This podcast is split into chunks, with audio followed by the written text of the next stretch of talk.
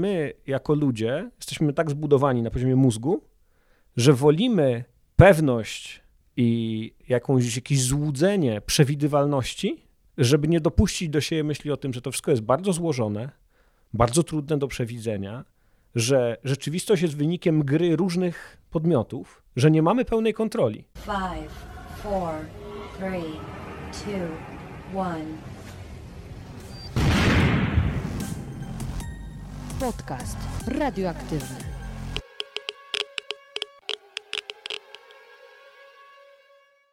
Choć mogłoby się wydawać, że fragment, który usłyszeliście na początku, odnosi się do obecnej sytuacji, do naszych prób pogodzenia się z nową rzeczywistością, w której karty rozdaje koronawirus, to jednak z moim gościem spotkaliśmy się kilka tygodni temu, zanim jeszcze koronawirus dotarł do Polski, a nawet do Europy. Moim gościem jest Kacper Nosarzewski z firmy 4CF, który zajmuje się badaniami i analizą przyszłości. I choć w podcaście nie rozmawiamy o koronawirusie i jego wpływie na przyszłość, to zdecydowanie wątki, które poruszyliśmy, wciąż są i będą aktualne. Dlatego gorąco zachęcam Was do tego, abyście wysłuchali dzisiejszego odcinka, bo dowiecie się z niego wielu niesamowitych rzeczy, jak się bada przyszłość, co przyniesie, czy da się to w ogóle przewidzieć, a także jakich rzeczy o których w pierwszym momencie byście na pewno nie pomyśleli, już niedługo prawdopodobnie przestaniemy używać. Dzień dobry, dzień dobry. Bardzo dziękuję, że przyjąłeś moje zaproszenie i możemy porozmawiać o temacie, który wydaje mi się trochę na pograniczu science fiction i wróżenia w fusach, a jednak to jest nauka. Dzień dobry, dziękuję, tak, dziękuję, że przyznałaś już w pierwszym zdaniu, że jest w tym jakaś dyscyplina badawcza a nie wyłącznie e, gdybanina albo mm, właśnie wróżenie, mhm. bo tak jest w istocie. Wszystko, co zostało zrobione, jeśli chodzi o studia nad przyszłością, foresight strategiczny, wszystkie badania, cała droga, którą ta dyscyplina przeszła, już od samego początku miała podkreślić racjonalny wymiar planowania albo prognozowania, a e, przypadkiem dopilnować, żeby e, nie być nigdzie posądzonym, żeby nie było podstaw do tego, żeby być posądzonym właśnie o jakieś wróżbiarstwo albo, albo e, próby pozanaukowego czy pozaracjonalnego prognozowania przyszłości. Wręcz przeciwnie, studia nad przyszłością zostały wymyślone i rozwinęły się jako dziedzina właśnie po to, żeby e, decydenci, różni polityczni, wojskowi, korporacyjni, w organizacjach międzynarodowych nie mieli pokusy sięgania po źródła wiedzy o przyszłości, które są niepewne, które są, które są irracjonalne, tylko żeby mieli instrumenty, narzędzia, różne metodyki, sposoby rozmowy o przyszłości z różnymi interesariuszami, z różnymi partnerami, e, która będzie uporządkowana, systematyczna, rygorystyczna, a z drugiej strony nie będzie sobie rościła prawa do mówienia będzie tak. To znaczy, że to nie jest prognozowanie precyzyjne. To celem nie jest precyzja prognoz w studiach nad przyszłością. Celem jest rozważenie różnych możliwych przyszłości, ocena ich prawdopodobieństwa i pchnięcie rzeczywistości w takim kierunku, żeby spełniły się te prognozy, które chcemy, a żeby zapobiec spełnieniu tych, które nam zagrażają albo które są sprzeczne jakoś z naszymi wartościami. Całkiem dobry wstęp, muszę powiedzieć. I już mam mnóstwo pytań. I zacznę od tego, o takie właściwie komentarza bardziej niż y, jakiegoś pytania, że mimo, że to są takie wymierne narzędzia dla władnych tego świata, to i tak oni często można zauważyć, że sięgają po jakieś e, nie wiem, znaki na niebie niż po twarde dane. I to jest trochę przerażające, kiedy jest dostęp do wiedzy, bo ja rozumiem, kiedy nie ma, można wymyślać, ale kiedy jest, no to trochę słabo, że się nie korzysta. E, ale to tak tylko rzucam. Natomiast chciałam zapytać, od kiedy e, futurologia to się tak oficjalnie nazywa? Skoro już wchodzimy w takie niuanse semantyczne, mhm. to futurologia to było modne słowo powiedzmy w e, połowie ubiegłego stulecia, lata 50., 60., 70., ale futurolodzy mieli na tyle dużo pychy czy tupetu, żeby uważać, że są w stanie przewidzieć, że są w stanie precyzyjnie wyprognozować, powiedzieć w roku 2000 będziemy wszyscy używali latających samochodów. I tak powstali Jetsonowie. I tak powstali Jetsonowie, co ma dużo uroku, co popkulturowo i w ogóle y, ma wielki potencjał inspiracyjny. No ale do podejmowania tych dobrych decyzji jednak potrzebujemy czegoś bardziej solidnego e, i nie możemy zawiesić y, jakby losów firmy, e, państwa czy losów świata na tym, czy w 2000 roku, czy w 2005 jednak będą to latające samoloty, czy w 2010. A futurolodzy, wśród których było wielu, tak samo fizyków, jak i pisarzy, jak i specjalistów od ekonomii czy od zarządzania, oni mieli taką e, swego rodzaju imperatyw, żeby prognozować i olśniewać tymi prognozami.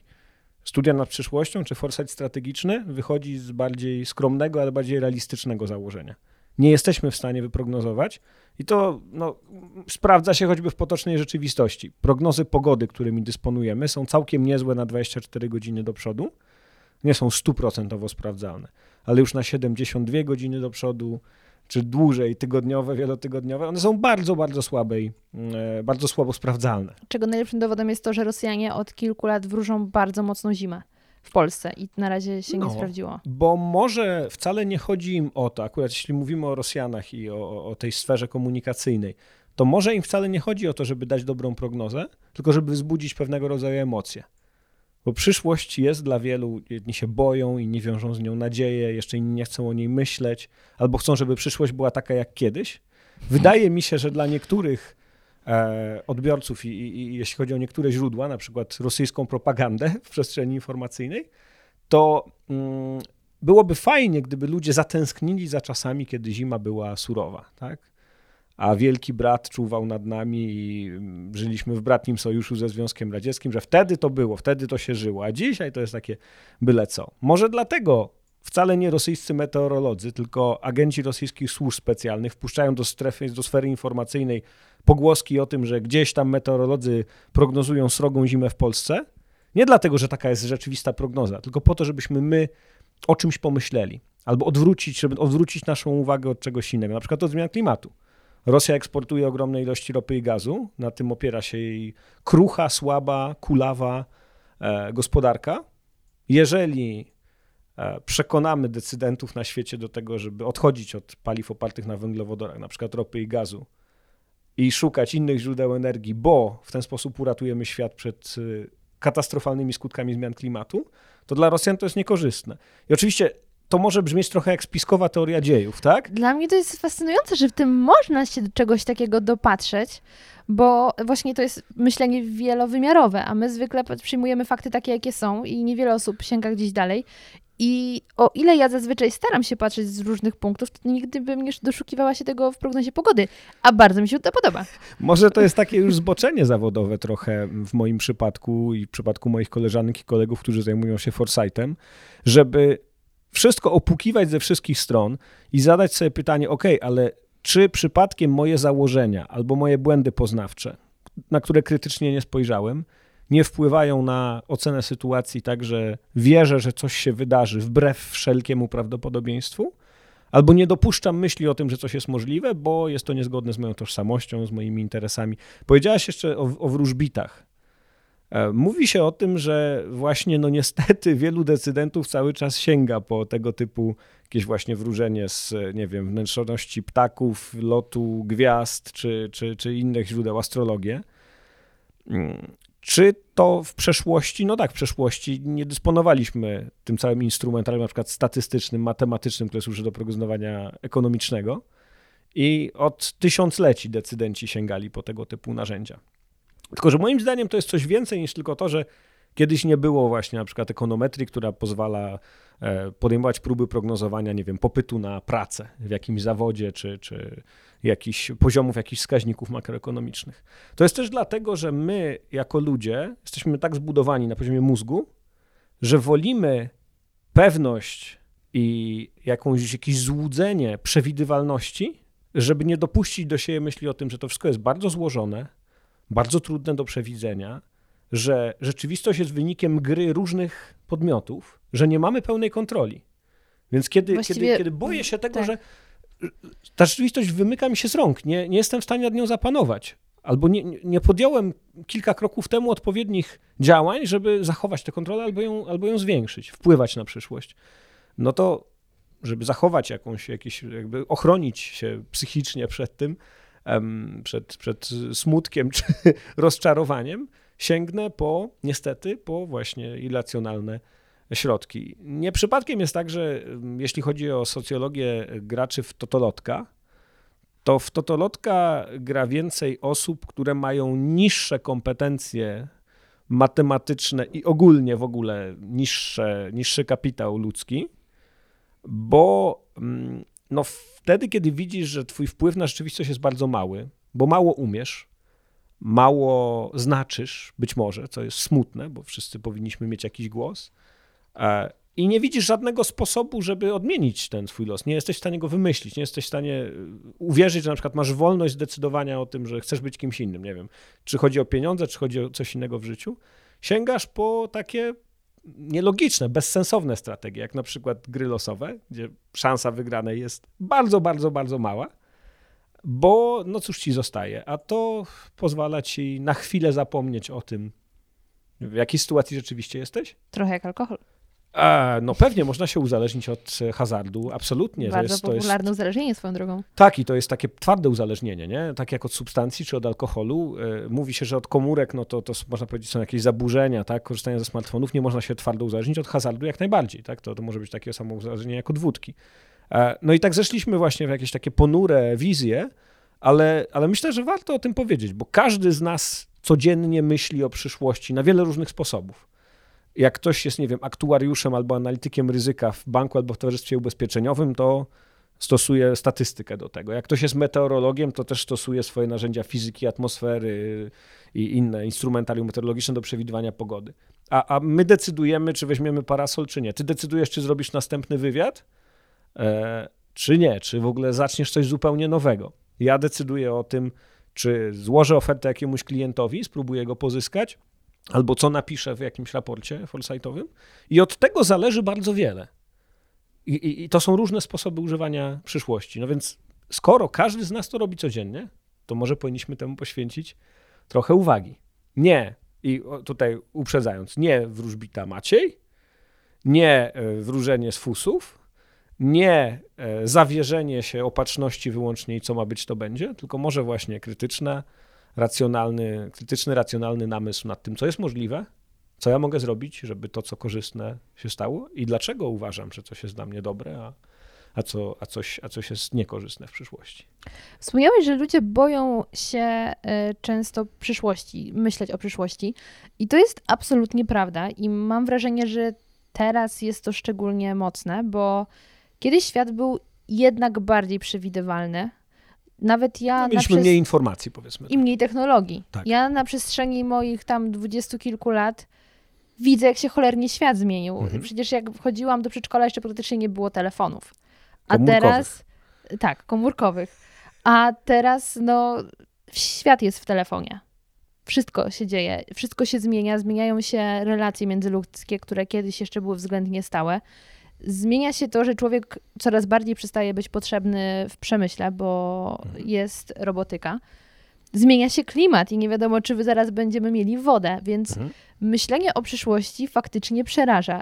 I co w tej sytuacji możemy wyciągnąć z tej nauki, którą się zajmujecie? Mhm. Czy bardziej mm, informacje, słuchajcie, nie będzie tak źle, damy radę, ludzkość przeżyje. My niekoniecznie, ale ludzkość tak.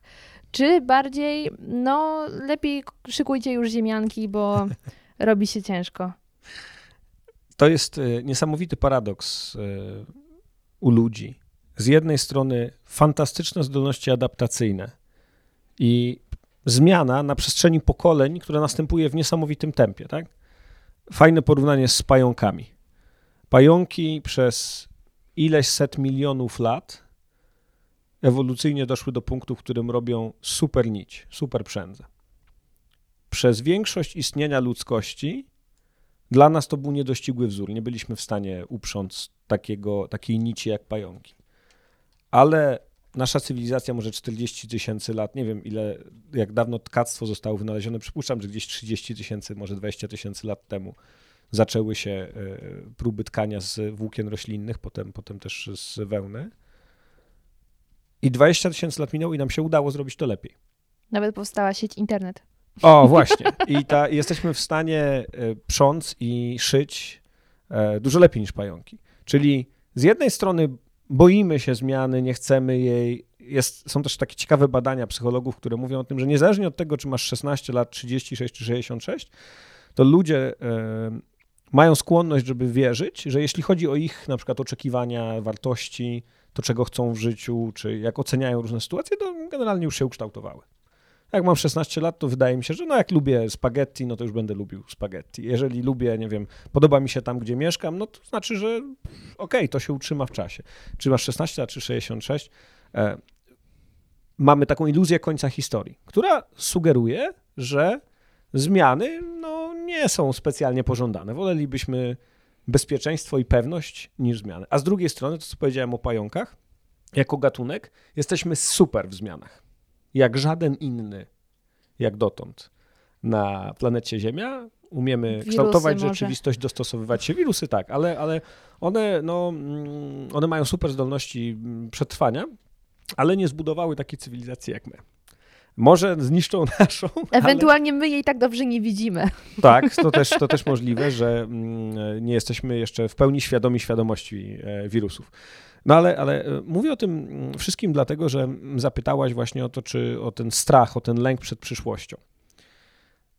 To jest bardzo istotna kwestia, dlatego że studia nad przyszłością, takie rozumiane właśnie na, na, na, na pogłębionym poziomie, ujęte poza właśnie futurologię, czy jakieś tam badanie trendów, czy, czy nie wiem, coroczny raport, a czy teraz jest modne, nie wiem, mleko sojowe, czy teraz będzie modne mleko z ryżu, czy z kokosa, co też jest potrzebne, ale to jest Czy to mało. prawda, że 2020 to jest owsiane?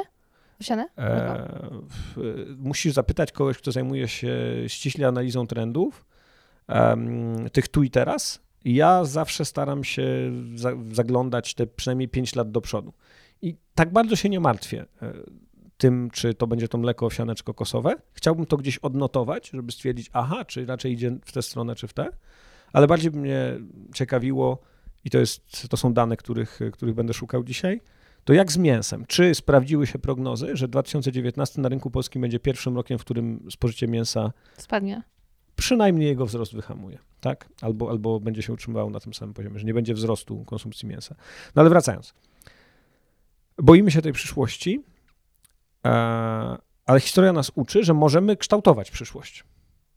Że mamy, jesteśmy wolni, tak? Mamy wolność decydowania na jakimś małym poziomie mikro, tak jak rozmawialiśmy o tym, czy, czy zjem kotleta, czy zjem sałatkę, czy wezmę parasol, czy nie, czy pójdę na studia, czy wybiorę inną drogę zawodową. Mamy wolność kształtowania tej przyszłości. Jeżeli sobie z tego zdamy sprawę w pełni, jak dużo możemy, jako jednostka, albo ja nie wiem, jako aktywiści, mogę wyjść na ulicę i protestować w sprawie politycznej albo w sprawie zmian klimatu i to coś znaczy. To ta siła, która płynie z tego, żeby sobie uświadomić, że mamy wolność decydowania. Oczywiście są tacy, którzy chcą naszego dobra, e, tak mówią, no to pilnujmy, żeby nam go przypadkiem nie zabrali, nie? E, strzeżmy tego dobra, ale jeżeli skoro mamy tę wolność, to, to nie musimy bać się przyszłości, bo możemy ją tworzyć. Foresight mówi, e, to mówi prezesowi banku, albo prezesowi wielkiej korporacji, ale mówi też dziewczynie czy chłopakowi w szkole, bo, bo takie projekty też prowadzę, edukacyjne. Mówi, ma, ma, możesz wpływać na rzeczywistość i jeżeli będziesz myśleć o przyszłości inaczej niż tylko właśnie jedna droga, jakiś tam jeden scenariusz, jeżeli rozważysz różne możliwe przyszłości, jeżeli zobaczysz, że może być bardzo źle, ale może też być bardzo dobrze, zastanowisz się od czego to zależy, jak możesz wpłynąć na bieg wydarzeń, to okazuje się, że przyszłość już nie jest e, niebezpiecznym lądem, na którym lądujesz i musisz tam, jak nie wiem, jak w Pocahontas, tam ten, ci, ci koloniści przybywają do Virginii i wszystko jest dookoła, jest, y, Indianie są nie, niebezpieczni, przyroda jest niebezpieczna, nie ma co jeść, że przyszłość to nie jest taki ten, który musisz skolonizować, musisz uzbrojony po zęby tam iść, tylko że możesz znaleźć tam szansę dla siebie do wykorzystania i możesz je realnie wykorzystać, wtedy się okazuje, że przyszłość to jest całkiem fajne miejsce to jest miejsce, w którym chcę żyć. Nawet teraz, kiedy mówimy e, e, o zmianach klimatu, nie? Wszyscy się, wszyscy świadomi ludzie bardzo się tego boją i to jest zrozumiałe, dlatego że to może być egzystencjalne zagrożenie dla naszej cywilizacji. To się może naprawdę źle skończyć dla milionów ludzi na świecie. Że mogą, mogą umrzeć albo się nie urodzić. albo żyć w niedostatku, w chorobach, w głodzie. W... I, i, I mamy świadomość tego, ale nie możemy poddać się paraliżującemu strachowi. Bo jak powiedziałem, mamy zdolność adaptacyjną, możemy, mamy kreatywność, swoją twórczość, mamy zdolność do innowacji, mamy zdolność do forsowania pewnych rzeczy politycznych. Tak? Jak wyjdziemy na ulicę, widzieliśmy tego nawet parę lat temu przykłady. Jeżeli pójdziesz na te demonstracje, albo jeżeli zmienisz coś w swoim domu, albo jeżeli zmienisz coś w swoim miejscu pracy, to konsekwencje tego realnie mogą być pozytywne. I przyszłość, która wydaje się być właśnie nie, nie, nie nieznanym terenem pełnym zagrożeń, okazuje się całkiem fajnym miejscem, w którym chcę być. Bo no, też nie, nie mamy do czynienia z jakąś falą samobójstw na tle obawy przed e, przyszłością. Mam nadzieję, że nie będziemy mieli. E, więc ten niepokój e, daje się jakoś przezwyciężyć. Nie? I jeżeli, jeżeli uwierzymy w to, że jesteśmy wolni, żeby tę przyszłość kształtować, a ja w to głęboko wierzę i, i, i każdemu to polecam, to okazuje się, że tak, tam jest, tam może być całkiem fajnie, to może być nawet lepiej niż teraz, albo przynajmniej nie gorzej. To wszystko brzmi podejrzanie dobrze. W sensie, że mamy wpływ, bo często jak tak patrzymy na to, co dzieje się na świecie, patrzymy na nasz kraj, to zastanawiamy się, kurczę, co jedna taka jednostka, która się nie zgadza z tym, jak jest, może zrobić, kiedy nawet jak się wychodzi na ulicę i krzyczy, to finalnie nic się nie zmienia. Ale skoro jesteśmy w temacie środowiska, który chyba obecnie jest taki dosłownie najgorętszy, tak. E, to Jakie są wizje z takiej waszej perspektywy specjalizacji tego, co się może wydarzyć? Bo mhm. y, są głosy, takie słyszałam, że ci najmądrzejsi tego świata już jakieś konkretne kroki podjęli i one od kilku lat są podejmowane, tylko do nas dopiero właściwie teraz dochodzą informacje, w jak ciemnej dziurze jesteśmy. Mhm ale ta zmiana już zachodzi, a z drugiej strony właśnie patrzymy chociażby na polityków, którzy ciągle mm, zamykają oczy i mówią, nie, zmiana klimatu nie widziałem. No tak, zwłaszcza, zwłaszcza im, im, bliżej siebie szukamy, tak geograficznie, tym więcej mamy tych, którzy mówią, że nie, to jest w ogóle propaganda. propaganda. I to wszystko służy po to, żeby odebrać nam węgiel, albo żeby, nie wiem, ludzie na Śląsku żyli w niedostatku. Istotnie perspektywy przyszłości, jeśli chodzi o mm, środowisko, wyglądają bardzo źle, zwłaszcza jeśli chodzi o zmiany klimatu. Te modele, które służą do prognozowania wzrostu temperatury e, w atmosferze na świecie, są coraz lepsze cały czas i pokazują naprawdę fatalne perspektywy.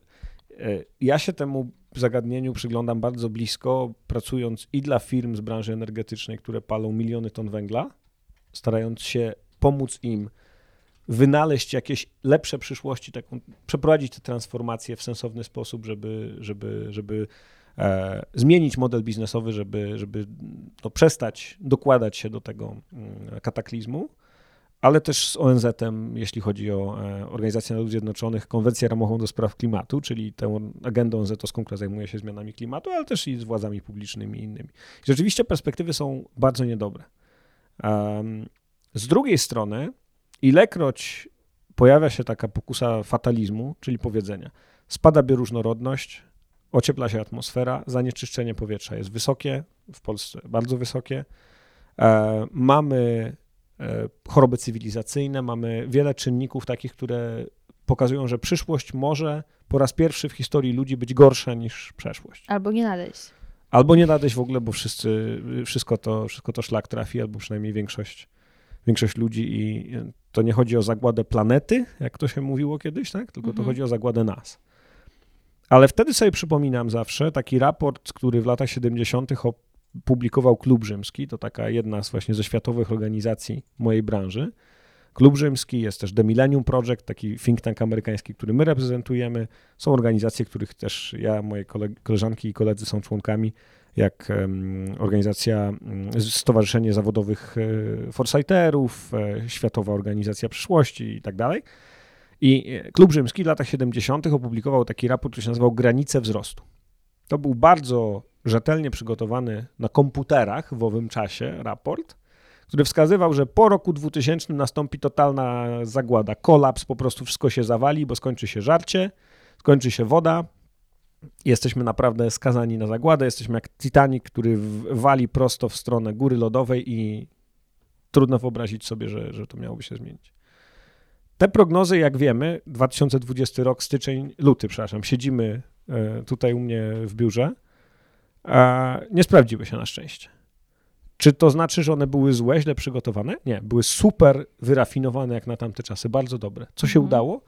Przez wprowadzenie tych prognoz do obiegu, przez Klub Rzymski i autorów tego raportu, no, małżeństwo Meadowsów, e, Randersa i Berensa, udało się wreszcie obudzić to, co się nazywało świadomością ekologiczną właśnie wśród polityków w Stanach, w różnych miejscach. I udało się przeforsować pewne agendy środowiskowe, powiedzieć: OK, musimy ograniczyć e, zużycie wody, musimy zadbać o niezatruwanie gleb, musimy zadbać o nowe sposoby, nowe odmiany upraw, żeby wyżywić rosnącą ludzkość. I proszę, 2020 rok mówi się, że jest bardzo źle, ale nie jest tak źle, jak, pro, jak e, pro, proponował raport prognozy e, granice wzrostu. Czyli e, z tego wynika, ja sobie właśnie przypominam te granice wzrostu, żeby sobie powiedzieć, ok, mamy bardzo złe prognozy, ale one przede wszystkim są dla nas takim sygnałem do obudzenia się i zrobienia czegoś. I każdy może coś, tak? To znaczy, ja nie chcę przeceniać wagi zamykania kranu, jak się myje zęby. To jest, to jest ważne, potrzebne, ale to nie jest, to nie jest najważniejsza rzecz na Ziemi. 70% zużycia wody e, to przemysł. Na mój kran jest, też powinienem go zamykać, ale to, to nie wystarczy. Muszę wywrzeć nacisk na polityków czy na kręgi korporacyjne, żeby zmniejszyć intensywność wody, jeśli chodzi o, o, o przemysł. Ja mam na sobie jeansy, nie? to jest moja ostatnia para jeansów, kupiłem je parę lat temu. Generalnie, jak nie będziecie kupować niebieskich jeansów, to zrobicie bardzo, coś bardzo dobrego dla środowiska, bo żeby wyprodukować jedną parę tych spodni, trzeba zużyć wiele set litrów wody, tysięcy litrów wody. Jedną parę. Jedną parę. Wiele nice. tysięcy litrów, czyli więcej wody niż e, płacisz na rachunku za wodę w domu, na gotowanie, zmywanie, spłukiwanie toalet i tak dalej, prysznic, wannę czy cokolwiek tam używasz, dużo więcej w, niż w ciągu roku zużyjesz, kosztuje ziemię jedna para twoich niebieskich jeansów. Czyli możemy się przerzucić albo na spodnie lniane, bo i tak jest ciepło, albo na dresy. Będzie wygodniej. E, dresy zwykle są bawełniane. Bawełna jest też bardzo intensywna wodnie, więc a bawełna organiczna jest jeszcze bardziej intensywna niż, e, niż e, taka bawełna, bawełna zwykła. No jeszcze więcej wody potrzeba do jej uprawy. Więc może po prostu powinniśmy pozwolić sobie na to, żeby w tych wyciągniętych dresach pochodzić jeszcze jeden rok dłużej. Po prostu nie kupować następnych mhm. dresów.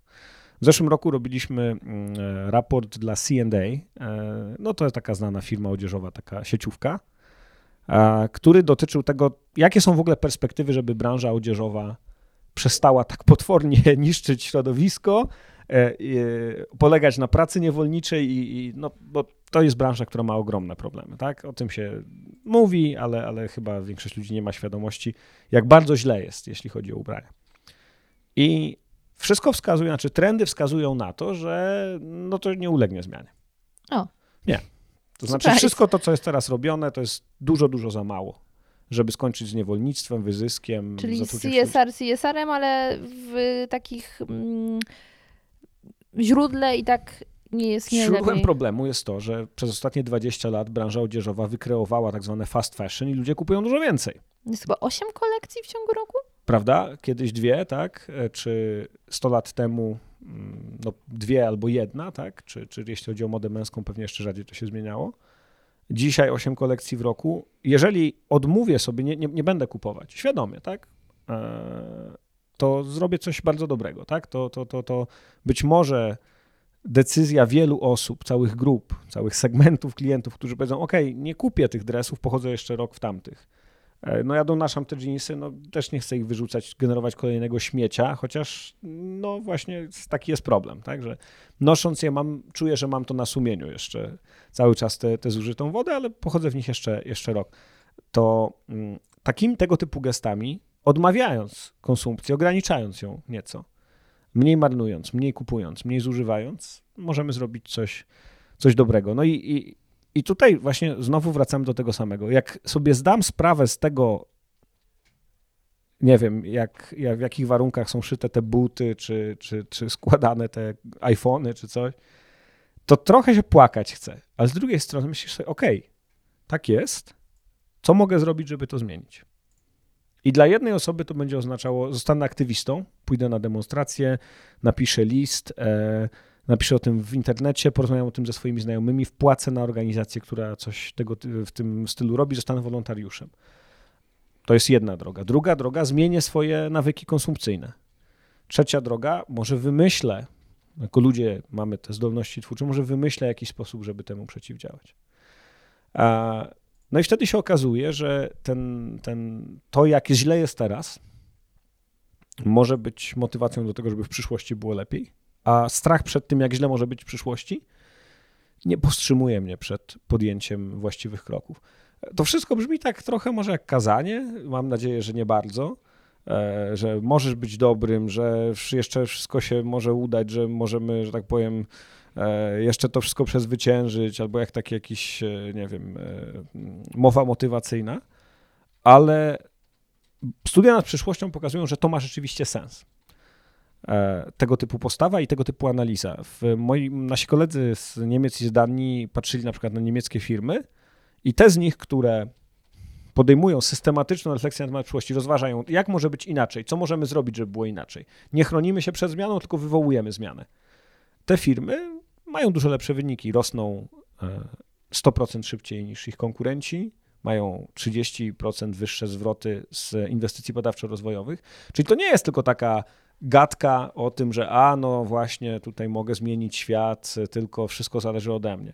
To się sprawdza i na poziomie indywidualnej osoby, i sprawdza się na poziomie firmy czy, czy, czy jakiejś organizacji, i sprawdza się na poziomie właśnie mm, polityk publicznych, y, dobra wspólnego, nie? polityki takiej przez, przez duże P. Ja tego nie odebrałam jako kazanie, bo kazaniem byłoby yy, moim zdaniem takie powiedzenie: narobiliście to i to i to, i teraz płaczcie. To by dla mnie było takie trochę kazanie. A to Bicie wydaje się mi się. Dokładnie. A to wydaje mi się taką pokrzepiającą perspektywą tego, że faktycznie mamy jakiś wpływ, bo no, te nastroje obecnie no, z każdej strony są negatywne. I tutaj z jednej strony widzimy Australię, z drugiej mhm. teraz temat Chin jest dość, tak. e, dość mocny. A to jest taki głos trochę rozsądku, a faktycznie spojrzeć na ostatnie lata, to jednostka ma większy wpływ niż moż, mogłoby się wydawać. No tak, bo ja nigdy nie spodziewałam się jako dziecko, że wegetarianizm kiedyś przejdzie do mainstreamu. Mhm. A proszę bardzo. Nie spodziewałam się, że też ruch Zero Waste, o którym usłyszałam trzy lata temu i nie wiedziałam, co to jest, teraz będzie mi bardzo bliski i bez większego wysiłku będzie można podejmować takie lepsze decyzje, więc to, to, co powiedziałaś, to, to się nazywa e, fachowym językiem analiza sygnałów. Czyli widzisz, że coś się gdzieś pojawia, ale jeszcze nie jesteś pewna, jakie to będzie miało znaczenie.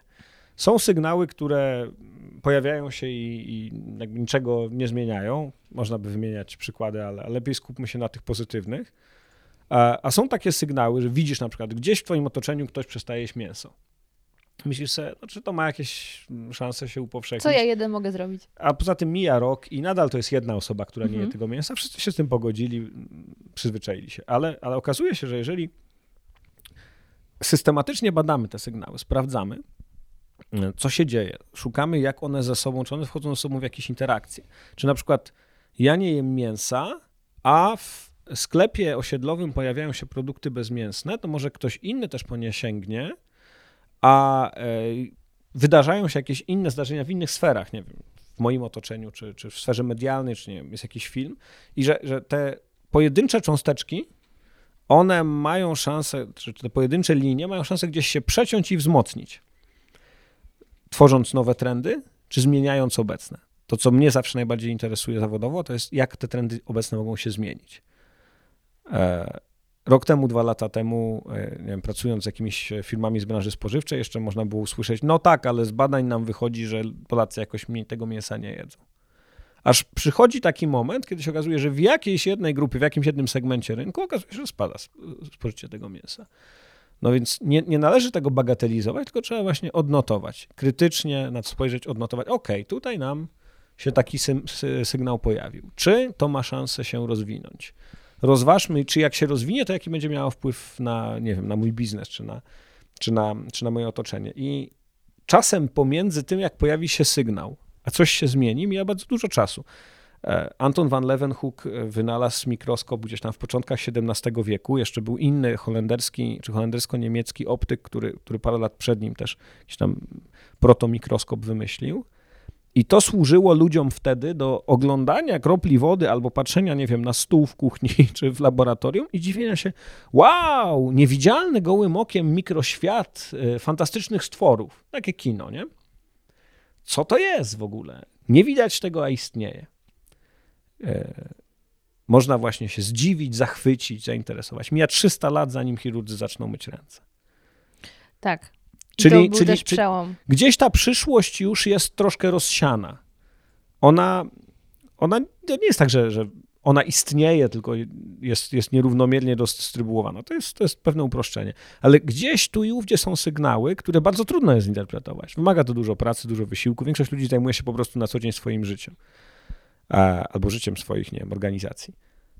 Pracą foresighterów, ludzi od studiów nad przyszłością, jest poszukiwanie tych sygnałów i mówienie, słuchajcie, coś takiego się wydarzyło. Konsekwencje tego mogą być pierwszego rzędu, drugiego rzędu, trzeciego rzędu takie.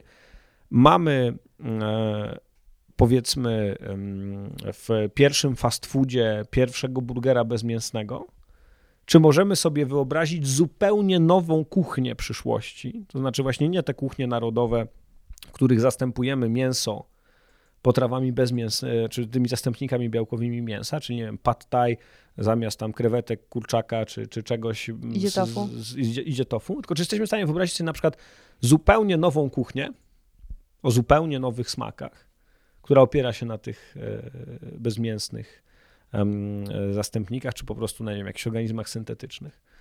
Żeby, żeby spróbować wyobrazić sobie przyszłość właśnie nie, że tylko tam zmienia się jedna rzecz, tylko jakie mogą być tego konsekwencje takie myślenie o przyszłości to jest coś, co każdy może zrobić absolutnie sobie za darmo sam, jako rozrywkę albo jako ćwiczenie intelektualne.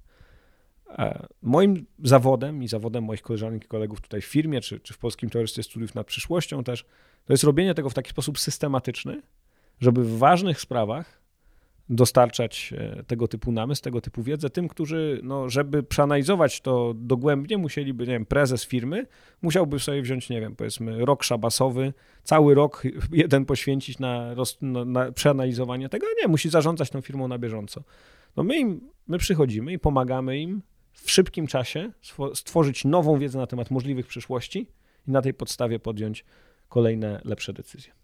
To pierwsze pytanie, ile lat do przodu mniej więcej się patrzy, mhm. albo w jakich dziedzinach, może w jakich branżach można ile spojrzeć, a dwa, jakie są narzędzia? Mhm. Można patrzeć bardzo daleko. Najdalej sięgające projekty, w których braliśmy udział, to był, był taki projekt e, zamieszk zamieszkanie planety Ziemia dla UNESCO robiliśmy, to było na 100 lat do przodu. Czyli jak będzie no, wyglądały w ogóle siedziby ludzkie i, i sposób, w jaki będziemy żyć i mieszkać na Ziemi za 100 lat. E, I to jest długoterminowe. Ale dla, nie wiem, firm z branży telekomunikacyjnej czy bankowej, to długoterminowe to już jest 5 lat też czasami. Oni mówią, a za 5 lat to naprawdę nie wiadomo, co będzie. To zróbmy taki projekt, taką analizę, żeby zastanowić się, co będzie za 5 lat. Potem się okazuje, że to nie jest tak, że zupełnie nie wiadomo. Tak jak było z 5G. Tak? Byłem e, kiedyś e, w studio w tvn i tam był taki dziennikarz, który mówił, że no, to było, nie wiem, ze dwa lata temu, 5G to jest e, kwestia bliskiej przyszłości, ale to jest w zasadzie taka granica technologiczna i co będzie dalej, to kompletnie nie wiemy, ale to jest teraz najważniejsze. No ja wiem już w tym momencie, że w Instytucie Fraunhofera w Niemczech, ale też w Japonii pracuje się już nad siecią komórkową następnej generacji, 6G. A 5G ledwo weszło. A 5G ledwo weszło. Albo jeszcze nie weszło. No. Teraz no gdzieś tam w pojedynczych miejscach y, na świecie ta sieć jest i są już telefony, które ją obsługują i jest infrastruktura, jest dużo polityki też i kwestii bezpieczeństwa wokół tego. Czyli mm, e, e, do czego zmierzam, że w każdym momencie możemy poszukać informacji na temat tego, że to, co nam się narzuca jako nieuchronne albo najbliższy, najbliższy skutek, czy to, co widzimy, a no to za 5 lat to jest już bardzo daleko, to gdzieś na świecie ktoś już myśli o tym i często nie tylko myśli, ale też inwestuje grube miliony e, albo wiele czasu no, nie wiem, na uczelniach, w instytutach badawczych, żeby tę dalszą przyszłość spróbować wyobrazić sobie i zaprojektować. I warto, warto to znać. Jeżeli jestem w branży, powiedzmy, energetycznej, to powinienem wiedzieć, co na deskach kreślarskich i na komputerach w, w, studiach moich konkurentów albo, albo w instytutach badawczych, o czym się myśli już tak na następną dekadę czy na 15 lat. I ten horyzont jest bardzo różny. E, są branże, tak jak powiedziałem, gdzie 5 lat to już jest długoterminowe i, i, i takie projekty robimy. Są branże, tak jak na przykład zbrojeniówka, gdzie cykl wprowadzenia jednego produktu to jest 20 lat, bo 10 lat się go opracowuje, potem kolejne 10 lat się wdraża i dopiero za 20 lat będzie wiadomo, czy nie wiem, ten nowy czołg albo jakiś tam nowy radar to w ogóle e, to ma ręce i nogi, czy nie. Czyli jeśli się kupuje sprzęt do wojska, to już jest stara technologia właściwie. Tak, to jest y, fajny paradoks, że teraz, kiedy kupujemy te F-35, mm, kiedy Polska kupuje 32 takie myśliwce, z dostawami w 2028 roku, a tak naprawdę ukompletowaniem tych SK 2030, to my kupujemy je, a jeszcze nie istnieje oprogramowanie, które te samoloty będą miały wówczas. Czyli my kupujemy je dziś za jakąś tam cenę, a e, tak naprawdę nie wiadomo jeszcze, co tam one będą miały, jeśli chodzi o soft, jeśli chodzi o kod, E, na pokładzie w tamtym momencie.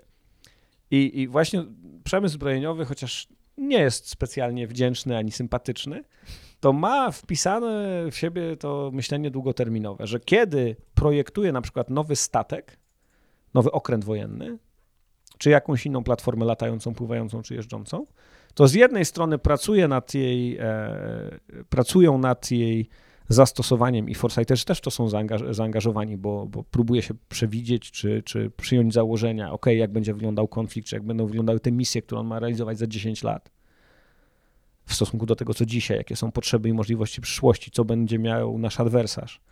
Ale już jakby druga grupa, albo, albo jakaś grupa, która się zazębia z tą pierwszą, sobie, ok, to jak to będzie wchodziło, to my już musimy myśleć o tym tak zwanym midlife upgrade, czyli na przykład w, w środku cyklu życia tego sprzętu, że za te 20 lat to już będziemy musieli go zaupgrade'ować, bo on już będzie stary i tak projektujemy to na przykład na 50, na 50 lat do przodu. Damn.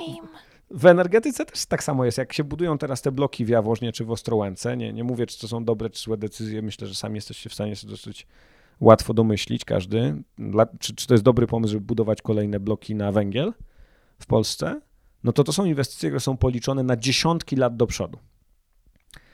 E, z telefonami też nie jest jakoś super inaczej. Tak jak mówię, jeśli chodzi o 6G, które myślę w perspektywie, eksperci, z którymi my pracujemy, mówią, że 5G osiągnie dojrzałość w perspektywie dziesięcioletniej dopiero, że wtedy dopiero wykorzystamy pełnię możliwości tej, tej technologii. Czyli no 6G można powiedzieć, że to jest pewnie perspektywa 20-30-letnia. Ale słuchajcie, ktoś już nad tym pracuje. Jeżeli to jest dla ciebie ważne, bo to jest twój biznes, nie mówię, jak handlujesz telefonami, to może to nie jest takie super ważne, ale jeżeli robisz coś więcej w tej branży, to no to niewiedza o tym, co jest możliwe, co może się wydarzyć, może cię słono kosztować. Spytałeś też o metody. Foresight się rozwija tak dynamicznie mniej więcej od lat 40. czy 50. Zaczyna się w e, siłach powietrznych Stanów Zjednoczonych i w ogóle ma swoje korzenie bardzo silne, takie wojskowe, co zresztą można się domyślić po tym, co powiedziałem przed chwilą o mm, projektowaniu sprzętu wojskowego. Że w ogóle większość sprzętów, które trafia później do użytku, pochodzi tak. z wojska. No tak, mikrofalówka na przykład. Przypadkowe. GPS chyba GPS, też. tak, jak najbardziej. Internet, nie? E, albo technologie kosmiczne, tak? Polar w sensie bluzy polakowe. Mhm. I um, jednym z podstawowych problemów, biorąc pod uwagę, że już jakby co mądrzejsi wtedy wiedzieli, przyszłość nie istnieje, nie da się jej precyzyjnie wyprognozować, każdy ekspert uważa co innego. Jeden mówi, będą samoloty napędzane energią jądrową za 5 lat, drugi mówi za 10, trzeci mówi, nie będzie nigdy. Mhm. Co mamy robić, drodzy eksperci? To może ktoś mi powie, na czym mam oprzeć swoje decyzje? Więc wtedy w, w takim środku, który się nazywa Rand Corporation, on istnieje po dziś dzień, e, zaczęto szukać sposobów, co by tu zrobić, żeby te, pro, te, prognozy były lepsze i żeby w ogóle sensownie rozważyć przyszłość. Jedną, jednym z takich narzędzi jest metoda delficka. To jest taka ankieta, która albo ma kilka tur, albo dzieje się online i w tej ankiecie eksperci wypowiadają się, ale też widzą, jak ich opinia wypada na tle opinii innych ekspertów i w, w, sposób anonimowy, bo nie widzą kto co uważa, wymieniają się argumentami, starając się dojść do zgody. Żeby po prostu nie zadecydowało to, że na przykład ty jesteś dziewczyną, ja jestem chłopakiem, albo ktoś ma siwe włosy, albo ktoś ma, nie wiem, trzy gwiazdki, albo jedną, albo jest wyjątkowo pyskaty, a drugi jest introwertykiem. Żeby, żeby tego typu czynniki nie przesądzały o tym, jaka jest nasza prognoza, tylko rzeczowa argumentacja. No i metoda delficka właśnie służy temu, ankieta delficka, żeby zanonimizować, y, y, skontrolować te czynniki psychologiczne i tak już porozmawiać konkretnie o, o, o przyszłości, o prognozach albo, albo innym zagadnieniu i spróbować zgodzić się co do jakiegoś, jakiejś, jakiejś, jakiejś przyszłości. E, jest też sporo takich metod warsztatowych, mm, różnego rodzaju gier, różnego rodzaju aktywności, które zespoły, czy eksperckie, czy zespoły w firmach, czy zespoły w organizacjach pozarządowych, albo w, w, w ministerstwach, w różnych tak, gremiach politycznych, mogą na przestrzeni kilku godzin albo kilku dni zrobić symulacje, gry wojenne, właśnie gry planszowe, które co mają za cel? Żebyśmy sobie uświadomili, jakie są nasze założenia. Czyli na przykład moim założeniem jest twardym, takim, nad którym się nie zastanawiam na co dzień, jest to, że dajmy na to, jak przyjdę tutaj do biura, to będzie prąd, będzie internet, bo są rachunki zapłacone, będzie woda w kranie, czyli będzie można normalnie działać ale to nie są założenia niewzruszalne. Może wydarzyć się jakiś kryzys, nawet chociaż nigdy go w przeszłości nie było, który sprawi, że przychodzę, a tego internetu nie ma. Ani nie ma go w gniazdku, ani nie ma go w moim telefonie, nie ma Wi-Fi. Jak sobie radzę wtedy? Więc zidentyfikować założenia, spróbować je zakwestionować i rozważyć, ok, jeśli wydarzy się to, co robię? Jeśli wydarzy się to, co robię? Taka trochę gra paragrafowa, nie? A, więc na tych warsztatach tego typu rzeczy się analizuje. E, I tych metod jest e, całe multum. E, ich właściwy dobór do danego pytania jest całą sztuką samą w sobie. Ale one dają niesamowicie dużo frajdy, dlatego że czasami, i to jest, to jest smutne i śmieszne zarazem, spotykasz, nie wiem, ekspertów od ochrony środowiska albo ekspertów od, nie wiem, elektryki czy, czy, czy od motoryzacji, którzy 30 lat zajmują się motoryzacją albo, albo elektryką, albo, nie wiem, wodą a nigdy sobie tego pytania nie zadali. Tak realnie. Nigdy nie spytali, ok, czy to, co ja uważam, czy, czy to, co, w co ja wierzę, to rzeczywiście jest, że tak powiem, jak zapukam, to jest puste w środku, czy jest, czy jest prawdziwe. Wierzę w coś, a czy wiem? No nie wiem. A jak nie wiem, to znaczy, że może być tak albo tak. No to co ja zrobię, jeśli A, a co ja zrobię, jeśli B? No i na tym ta, ta nasza praca w dużej części polega. Opracowujemy scenariusze mm, przyszłości różnymi metodami. E, scenariusze bardziej optymistyczne, mniej optymistyczne, bardziej prawdopodobne, mniej prawdopodobne. Analizujemy dzikie karty, to jest takie, takie fajne określenie, czyli zdarzenia, które mają małe prawdopodobieństwo realizacji, ale jeśli by się zdarzyły, to mają duży wpływ. To mają ogromny wpływ. E, czyli na, na co dzień nie zaprzątamy sobie nimi uwagi. Typu hmm. na przykład, a nagle ktoś nam zrzuci bombę atomową? Na przykład. Na przykład e, World Trade Center, zamachy w 2001 roku, to była taka typowa dzika karta. To nie jest tak, że nikt nie wiedział, nikt się nie spodziewał. To była jedna z wielu, było jedno z wielu możliwych zagrożeń. Ale jego prawdopodobieństwo oceniane jako bardzo niskie. Wpływ, no do widzimy dziś. do dziś, tak, Syria, Iran, um, oczywiście wojna w Iraku, wcześniej Afganistan, to wszystko są nie bezpośrednie konsekwencje, ale zamachy 11 września miały na to wpływ. Wynalezienie penicyliny e, i w ogóle wynalezienie antybiotyków, to też nie jest rzecz, że a już od 100 lat wiedziano, że to wszyscy nad tym pracujemy, dojdziemy do tego niebawem i zmieni się medycyna. Nie, po prostu no, udało się. Fleming e, był geniuszem medycznym, poszedł w tę stronę, udało mu się to znaleźć. Ale są dziedziny, w których szukamy od dziesiątków lat i kurczę, no niestety to się nie udaje, tak? Na przykład zimna fuzja, tak? jądrowa. Wszyscy o tym mówią od wielu dziesiątków lat. Niestety obawiam się, że, że szanse są małe, że to się uda. E, czyli, tak jak powiedziałem, dzikie karty, analizy różnych scenariuszy, różnego rodzaju gry i zabawy, czy, czy takie poważne zabawy, które służą temu, żeby właśnie e, wymienić się tymi założeniami, spróbować przyjąć jakieś inne założenia, wyobrazić sobie przyszłość inaczej, zadać sobie nowe pytania. No i takie twardsze metody analityczne, matematyczne, czy, czy, czy właśnie e, również takie jak metoda delficka, które mm, starają się poprawić precyzję prognoz, ale być może też znaleźć jakieś nowe pytania, nowe odpowiedzi. Ale powiedz mi, ile w tej pracy jest kreatywności, wizjonerstwa i takiego złożonego myślenia, a ile jest matematyki i statystyki? Co przeważa? Idealnie byłoby, gdyby one znajdowały się w równowadze. To często się mówi o chodzeniu na dwóch nogach, że no na jednej nodze jakby była nawet bardzo umięśniona, no to nie doskoczymy specjalnie daleko. Jak mamy dwie, to i, i harmonijnie rozwinięte, no to możemy biegać, skakać, e, latać, pływać. A, I dobrze by było, żeby, jeśli chodzi o foresight, to żeby nie iść w jakieś takie totalne tak jak powiem, kulturoznawstwo i takie, takie zupełne bujanie Humanizm. w obłokach, czysto humanistyczny namysł, e, ale i odnieść się do prognoz. A z drugiej strony, jak już mamy jakieś dane i z nich wyprowadzamy jakieś ekstrapolacje na przyszłość, jakieś prognozy, to żeby nie uwierzyć w to jak w prawdę objawioną i powiedzieć, ok, komputer powiedział, że ostateczna odpowiedź na pytanie o, o wszystko wynosi... 150. Otóż to i jeżeli 150, no to już wiemy, to już wiadomo, to już 150. To jest nieprosta sprawa, bo, bo to się łatwo mówi, ale jak na przykład spojrzysz na mm, prognozowanie ekonomiczne, no to wiadomo, że to naprawdę słabo działa. Oczywiście ekonomiści się ruszą, no jak to, no przecież coraz bardziej to rozwijamy, jest coraz lepsze, świetnie działa, w ogóle super. Na te prognozy się nie sprawdzają. A na tych prognozach decydenci opierają, chociaż wiedzą, że się niby nie sprawdzają, no, no dobra, nie sprawdzają się, nie sprawdzają, no ale coś musimy wziąć, nie? No to weźmy sobie te liczby. To na tym się, na tym oprzyjmy nasze założenia.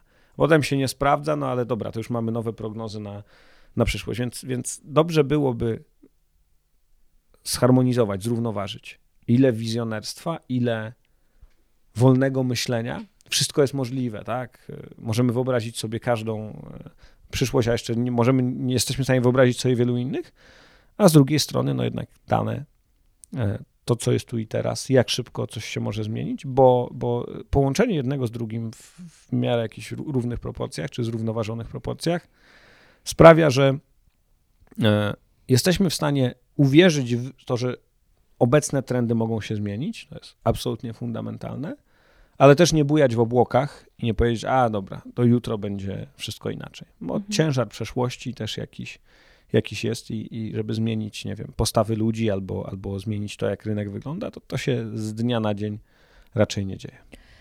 A ty jakie studia skończyłeś? Ja jestem z wykształcenia literaturoznawcą, studiowałem też prawo, e, studiowałem na różnych wydziałach, chodziłem na różne zajęcia. W moim zespole są inżynierowie, są e, ekonomiści, psycholodzy, bardzo różne specjalności.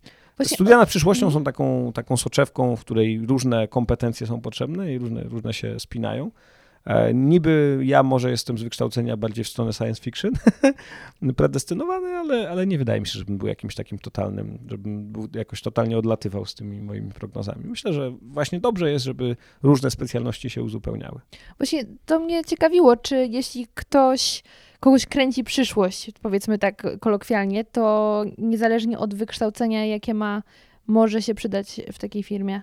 Jasne, jasne. Jeżeli ktoś ma zdolność krytycznego myślenia, i ciekawość poznawczą i, i lubi stawiać pytania i nie zadowala się e, tym, że przyszłość to jest generalnie to, co jest w gazetce e, tego e, marketu z, z telefonami czy tam z komputerami, albo że przyszłość to nie jest to, co w reklamie ci mówią, że będzie następny sezon, tylko poszukuje odpowiedzi na własną rękę, tak, może się zająć foresightem. Może się to zrobić czysto prywatnie, hobbystycznie, może się zaangażować w pracę jakiegoś, jakiejś organizacji foresightowej, czy, czy, czy, czy Towarzystwa Studiów nad Przyszłością, a może spróbować też w swojej firmie, czy na swojej uczelni, czy w swojej szkole podjąć na własną rękę tego typu działania i wtedy okazuje się, że no, może nie jest to łatwe, ale może dawać fantastyczne, fantastyczne efekty, bo, no bo po prostu możesz wyobrazić sobie przyszłość inaczej niż do tej pory. Czy to nie jest warte wysiłku? Jeżeli możesz wyobrazić ją sobie inaczej i zmienić rzeczywistość dzięki temu, no to super, to, to, jest, to jest bardzo dobry cel. A jak z Twojej perspektywy wygląda krytyczne myślenie wśród obecnie społeczeństwa? Bo bardzo mi się spodobało, jak na wykładzie na UW, który jest w internecie, powiedziałeś, że my w szkole bardzo wiele godzin poświęcamy przeszłości, nauce o przyszłości tak. i zero o przyszłości. Mm. I właśnie wydaje mi się, że myślenie o przyszłości generuje też e, takie myślenie bardziej wielowymiarowe, mhm. a z drugiej strony myślenie o przyszłości powinno nas nauczyć bardziej myślenia krytycznego. Tak. A jednak tego nie robi. Bardzo, bardzo, bardzo dobrze, że o tym mówisz, bo rzeczywiście historia to nie jest tak, że to jest jakiś taki śmieć, że a to jest niepotrzebne, bo będziesz żył w przyszłości, a nie w, w przeszłości. Z historii możemy wyciągnąć dwie potężne lekcje. I myślę, że nauczyciele historii są zdolni do tego, żeby to przekazać, tylko czasami może mm, każe im się robić trochę co innego. Po pierwsze, że mamy wolność wybierania. Patrzymy na historię i widzimy, że decyzje indywidualne albo, albo, albo droga, którą poszedł nie wiem, taki naród albo taka grupa społeczna, zmieniły świat. I że nic nie było dane, nic nie było tak, że było wiadomo od samego początku. Tak w epoce neolitu nie było e, mędrców, którzy prognozowali, mówili, słuchajcie, za tysiąc lat prognozujemy brąz, a potem żelazo. I tak to już idźmy w tę stronę. Nie, to po prostu się stało. Nawet Majowie chcieli przewidzieć, że 2000, 2000 rok się skończy świat, no i się nie udało. No, Majowie mieli, mieli swoje kalendarze i swoje prognozy, ale to nie było zobowiązujące dla całego świata, tak? W innym rejonie świata, przed rokiem tysięcznym wiele osób bało się e, o przyszłość, no ale jednak zasiali na przyszły rok, nie? Nie stwierdzili, że dobra, to nie zasiewamy w ogóle, bo to już nie ma sensu, to już lepiej zjedzmy to, to, to całe ziarno teraz, bo świat się skończy. A jednak zasiali i ludzkość przetrwała. Um, także to jest jedna lekcja, że, że mamy wolność, że jesteśmy wolni do tego, żeby zdecydować o przyszłości. W różnym stopniu mamy wpływ na to, a każdy ma jakiś. To jest jedna. A druga lekcja jest właśnie ta lekcja krytycznego myślenia. Że czasami to, co nam się mówi, czy, czy to, co czytam, to nie jest, to nigdy nie jest prawda objawiona. To zawsze pisze ktoś po coś, ma jakieś, jakąś motywację, żeby nam w taki sposób historię przedstawić. I krytyczna analiza różnych źródeł informacji, to co mówiliśmy na początku o, o tej meteorologii o prognozach, że będzie sroga zima w Polsce. No ja mówię, że nie będzie, ale jeżeli widzę, że e, portale, które zajmują się dezinformacją i, i wojną informacyjną, posuwają E, podsuwają nam ten, ten temat srogiej zimy, to mogę sobie zadać pytanie, kto za tym stoi, komu za, na tym zależy, żebym ja myślał o srogiej zimie. A o czym mam nie myśleć w takim razie? E, dlaczego ktoś chce odwrócić moją uwagę i, i, i, opowiedzieć mi swoją wersję przyszłości albo swoją wersję historii? Jaka jest ta moja, moja wersja historii? Historycy analizują różne źródła,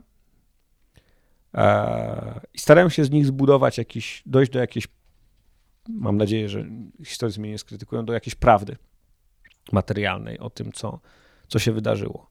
I nie, nie wystarczy oprzeć się, nie wiem, na jednej kronice czy na jednym filmie, e, w zależności od tego, jakiej epoce mówimy. Trzeba analizować je krytycznie, zadawać pytania, nie wierzyć tak na, na słowo. E, ta lekcja wolności i lekcja, lekcja krytycznego myślenia, która powinna wynikać z historii w szkole, E, jest bardzo przydatna w myśleniu o przyszłości. To jak, dlaczego? No to tak już, jak już sobie powiedzieliśmy, że, że mogę coś zmienić i że mm, być może przyszłość to nie jest to, co mi mówią, tylko to jest zupełnie co innego.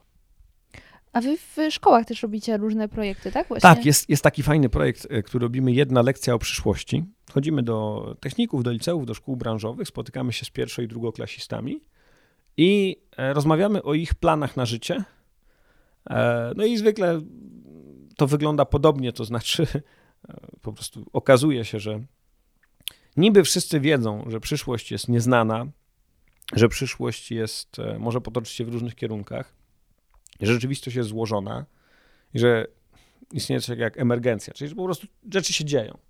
Nic na to nie wskazywało, była marazm, stagnacja przez x lat, a nagle puf, rewolucja niby sobie z tego zdają sprawę ci licealiści, a jak ich spytać o ich własne plany na życie, no to są dosyć linearne. No i plan jest taki, pyk, pyk, pyk, za 5 lat to, nie wiem, tam e, pójdę do pracy, założę firmę, wybuduję dom, ożenię się, wyjdę za mąż, będę mieć dziecko, jedno, drugie, trzecie, że, że to jest takie...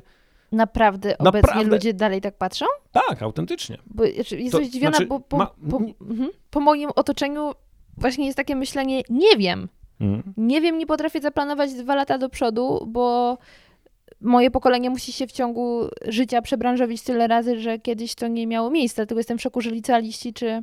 No widzisz, i tak bardzo dobrze, że, bardzo dobrze, że e, ludzie w Twoim środowisku tak e, myślą, bo to jest e, chyba zbieżne z tym, jak wygląda rzeczywistość. Ale kiedy chodzimy do szkół, a chodzimy do bardzo różnych szkół w bardzo różnych miejscowościach, to dominuje jednak taka wizja, no dobra, no muszę jakąś taką bezpieczną strategię na przyszłość sobie wyobrazić. I to często prowadzi do tego, że strasznie dużo poświęcam na naukę, w sensie też inwestuję, nie wiem, pieniędzy w rozwój siebie, rodzice łożą na rozwój tych dzieci, szykują ich jakby mieli w kosmos lecieć dosłownie. A te wybory życiowe są takie super neutralne, takie, takie podstawowe, nie? No tak, no to pójdę na te studia, to tam jakiś dyplom, no to jakąś tam pracę taką, żeby też nie przesadzić. Przedsiębiorczość, wskaźnik przedsiębiorczości wcale nie jest wysoki, wcale nie ma tak dużo chętnych do tego, żeby czegoś próbować, żeby podejmować to ryzyko. Takie minimum, nie? Domek, Drzewo. drzewo, rodzina, takie samochód, nie? Takie, takie podstawowe potrzeby. Ta przyszłość niech będzie taka, no taka jak znam, nie? E, oczywiście to nie dotyczy wszystkich. E, I oczywiście mamy skłonność do e, dostrzegania tych, którzy są inni, którzy są ciekawi przez to, e, intrygujący, że a, wyjechał, nie wiem, tam do Tajlandii, albo, albo do Afryki, albo mm, w ogóle nie poszedł na studia, tylko założył firmę i sprzedaje zapiekanki. Tak to dostrzegamy ich, bo są inni. Ale większość obiera bardzo konserwatywne strategie życiowe.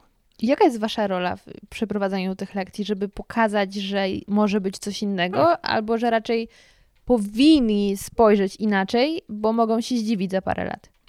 Sprowokować ich do zadania sobie pytań, na jakich założeniach opieram moje plany i co jeżeli e, świat potoczy się w inną stronę. Ważne pytanie, które zadają na przykład chłopaki z e, klas mechanicznych w technikach, to jest po ile będzie mm, ropa, albo znaczy w sensie benzyna na stacji benzynowej, albo po ile będzie olej napędowy. A da się to przewidzieć? Nie, A, ale może to w ogóle nie jest właściwe pytanie, bo może za 5 czy 10 lat samochody na te paliwa będą schyłkowe i może już nie będzie, może to nie będzie miało dla ciebie żadnego znaczenia. Bo założeniem jest, chcesz mieć, chcesz mieć prawko, potem chcesz mieć auto, musisz, no, musisz lać, żeby jechać, nie? A może może zakwestionować to założenie, może, może nie potrzebujesz tego samochodu. Albo właśnie obejrzałam dokument na Amazonie, który totalnie mnie zdziwił. Odcinek o tym, że my się nie powinniśmy martwić ropą, tylko kauczukiem. I może się okazać, że ropa będzie, ale nie będzie opon, żeby jeździć. No tak, bo kauczuk jednak jest e, z naturalnym surowcem, tak, z tych drzew. e, A tych drzew może być coraz nie? mniej, jeśli jakaś zaraza się pojawi. Tak.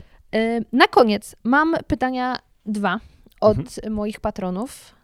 O. Także Super. Uwaga. Głos ludu. głos ludu, dokładnie.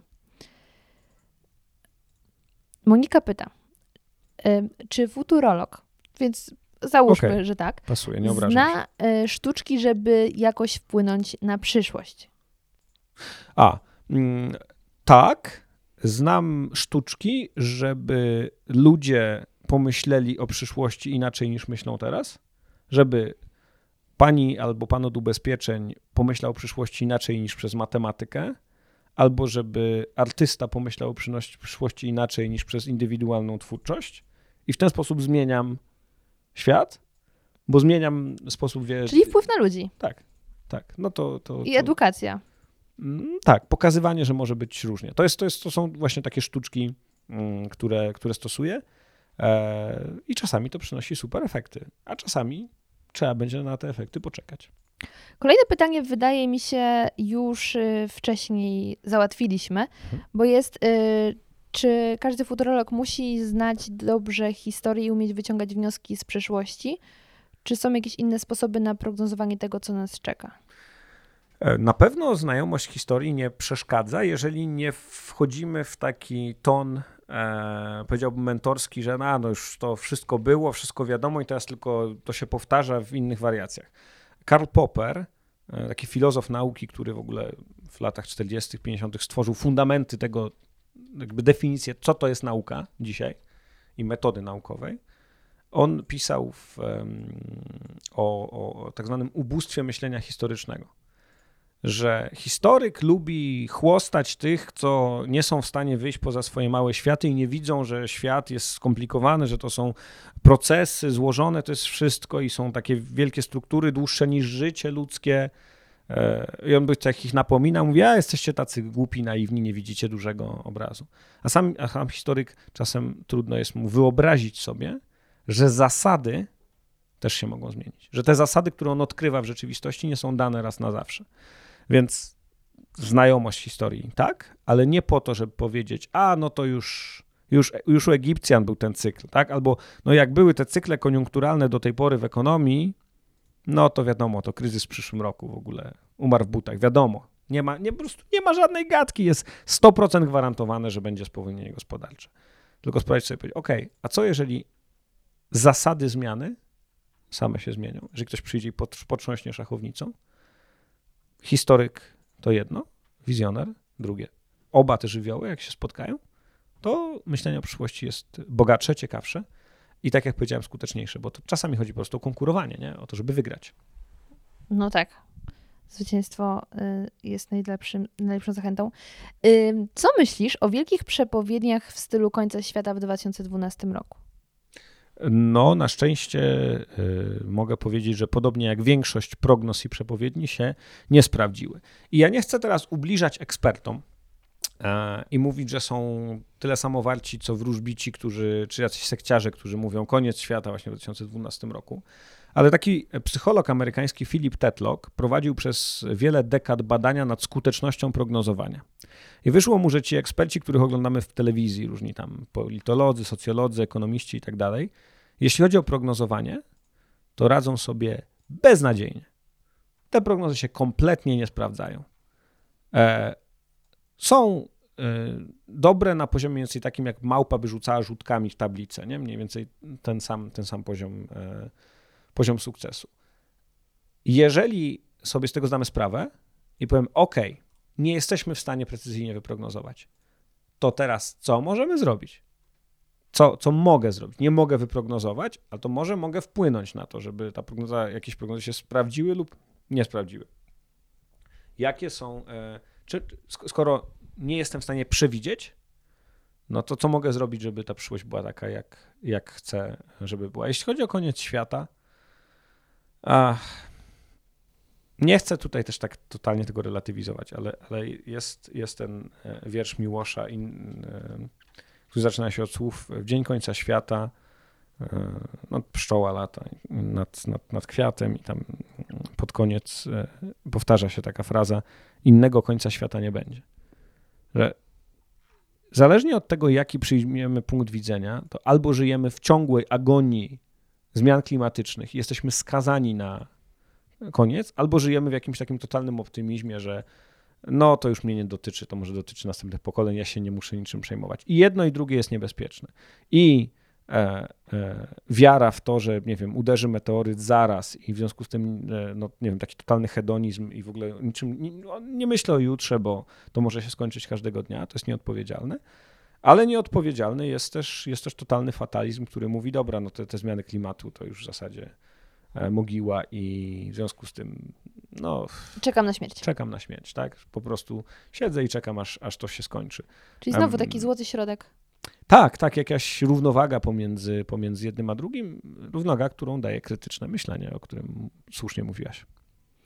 I ostatnie pytanie od Moniki. Czy spotkałeś się z zarzutami, że twoja praca jest warta mniej, e, mniej więcej tyle samo, bo mniej więcej tyle samo? nie wiem, pewnie chodziło o to, czy jest niewiele warta, bo przyszłości nie da się przewidzieć. Tak, oczywiście. Spotkałem się z tymi zarzutami i zwykle y, staram się je im zapobiec, mówiąc, że tak, punktem wyjścia dla mnie jest to, że przyszłości nie da się przewidzieć. ale to są, lubię nawet, yy, nigdy się nie bałem tego typu zarzutów, bo, bo, bo one nigdy nie były dla mnie, nie były dla mnie odkrywcze. E, ale nawet od pewnego czasu to lubię, bo lubię się pospierać z ludźmi, którzy uważają, że skoro nie da się przyszłości wyprognozować, no to zajmijmy się historią.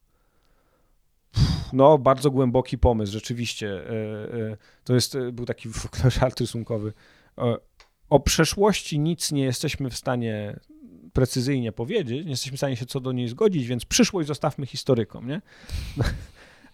To jest trochę głupie, no gdyby, nie wiem, prezydent Stanów Zjednoczonych w gabinecie owalnym zawołał grupę ekspertów i powiedział, słuchajcie, co z tymi Chinami? A oni by mu powiedzieli, no na dwoje babka wróżyła, no może będzie tak, a może będzie tak. Yy, trudno cokolwiek prognozować. Prognozowanie w ogóle nie ma sensu.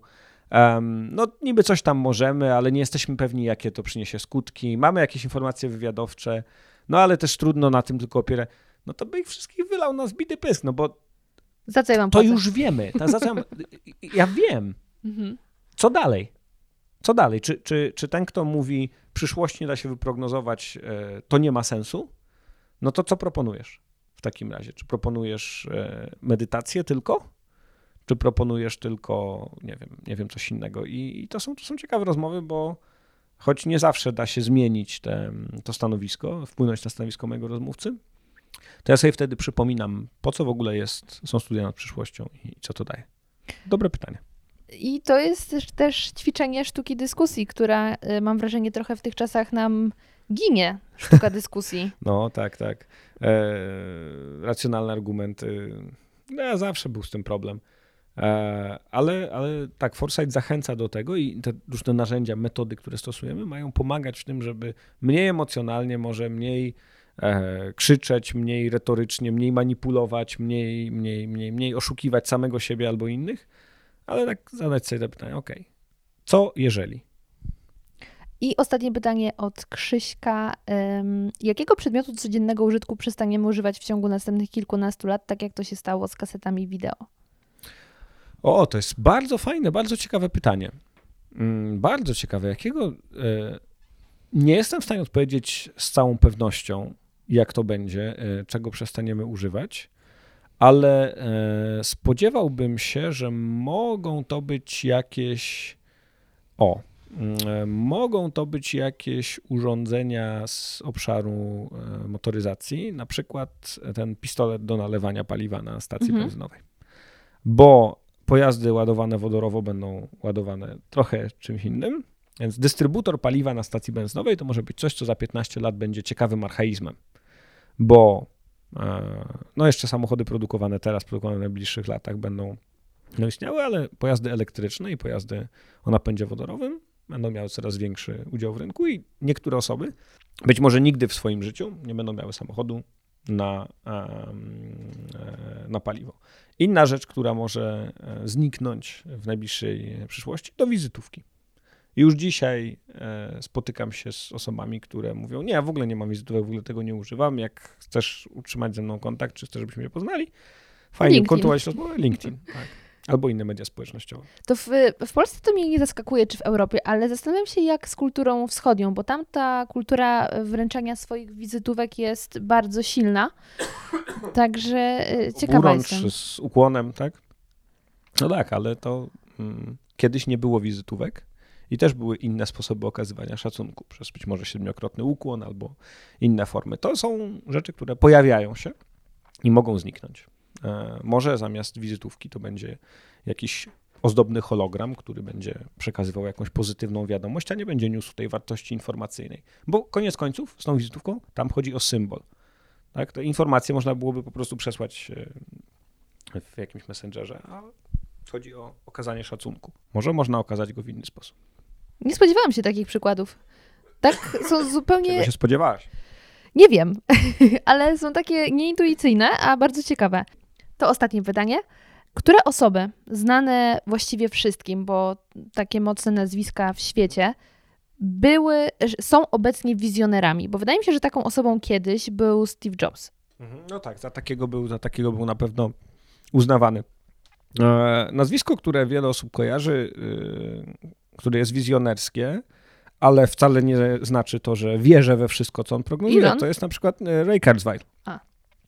On jest, e, ci co grają na keyboardach to mogą kojarzyć, on w latach tam, na przykład 80 90 zrobił najlepszy keyboard, który najlepiej imitował dźwięk e, pianina. A teraz jest inżynierem odpowiedzialnym za sztuczną inteligencję w Google. A w międzyczasie wynalazł jeszcze parę innych niesamowitych rzeczy. Facet jest niezłym mózgiem i e, on pro, pro, prorokuje czy prognozuje nadejście osobliwości technologicznej. Osobliwość technologiczna to będzie moment, w którym inteligencja maszyn przekroczy zdolności poznawcze ludzi. A jak to się stanie, no to rzeczywiście świat, który znamy, się skończy, Mhm. bo nie jesteśmy w stanie już niczego przewidzieć, co wydarzy się później. To maszyny będą tworzyły One te rzeczywistość. warunki, tak. Czy to nastąpi? Nie wiem, ale jest to ciekawa wizja.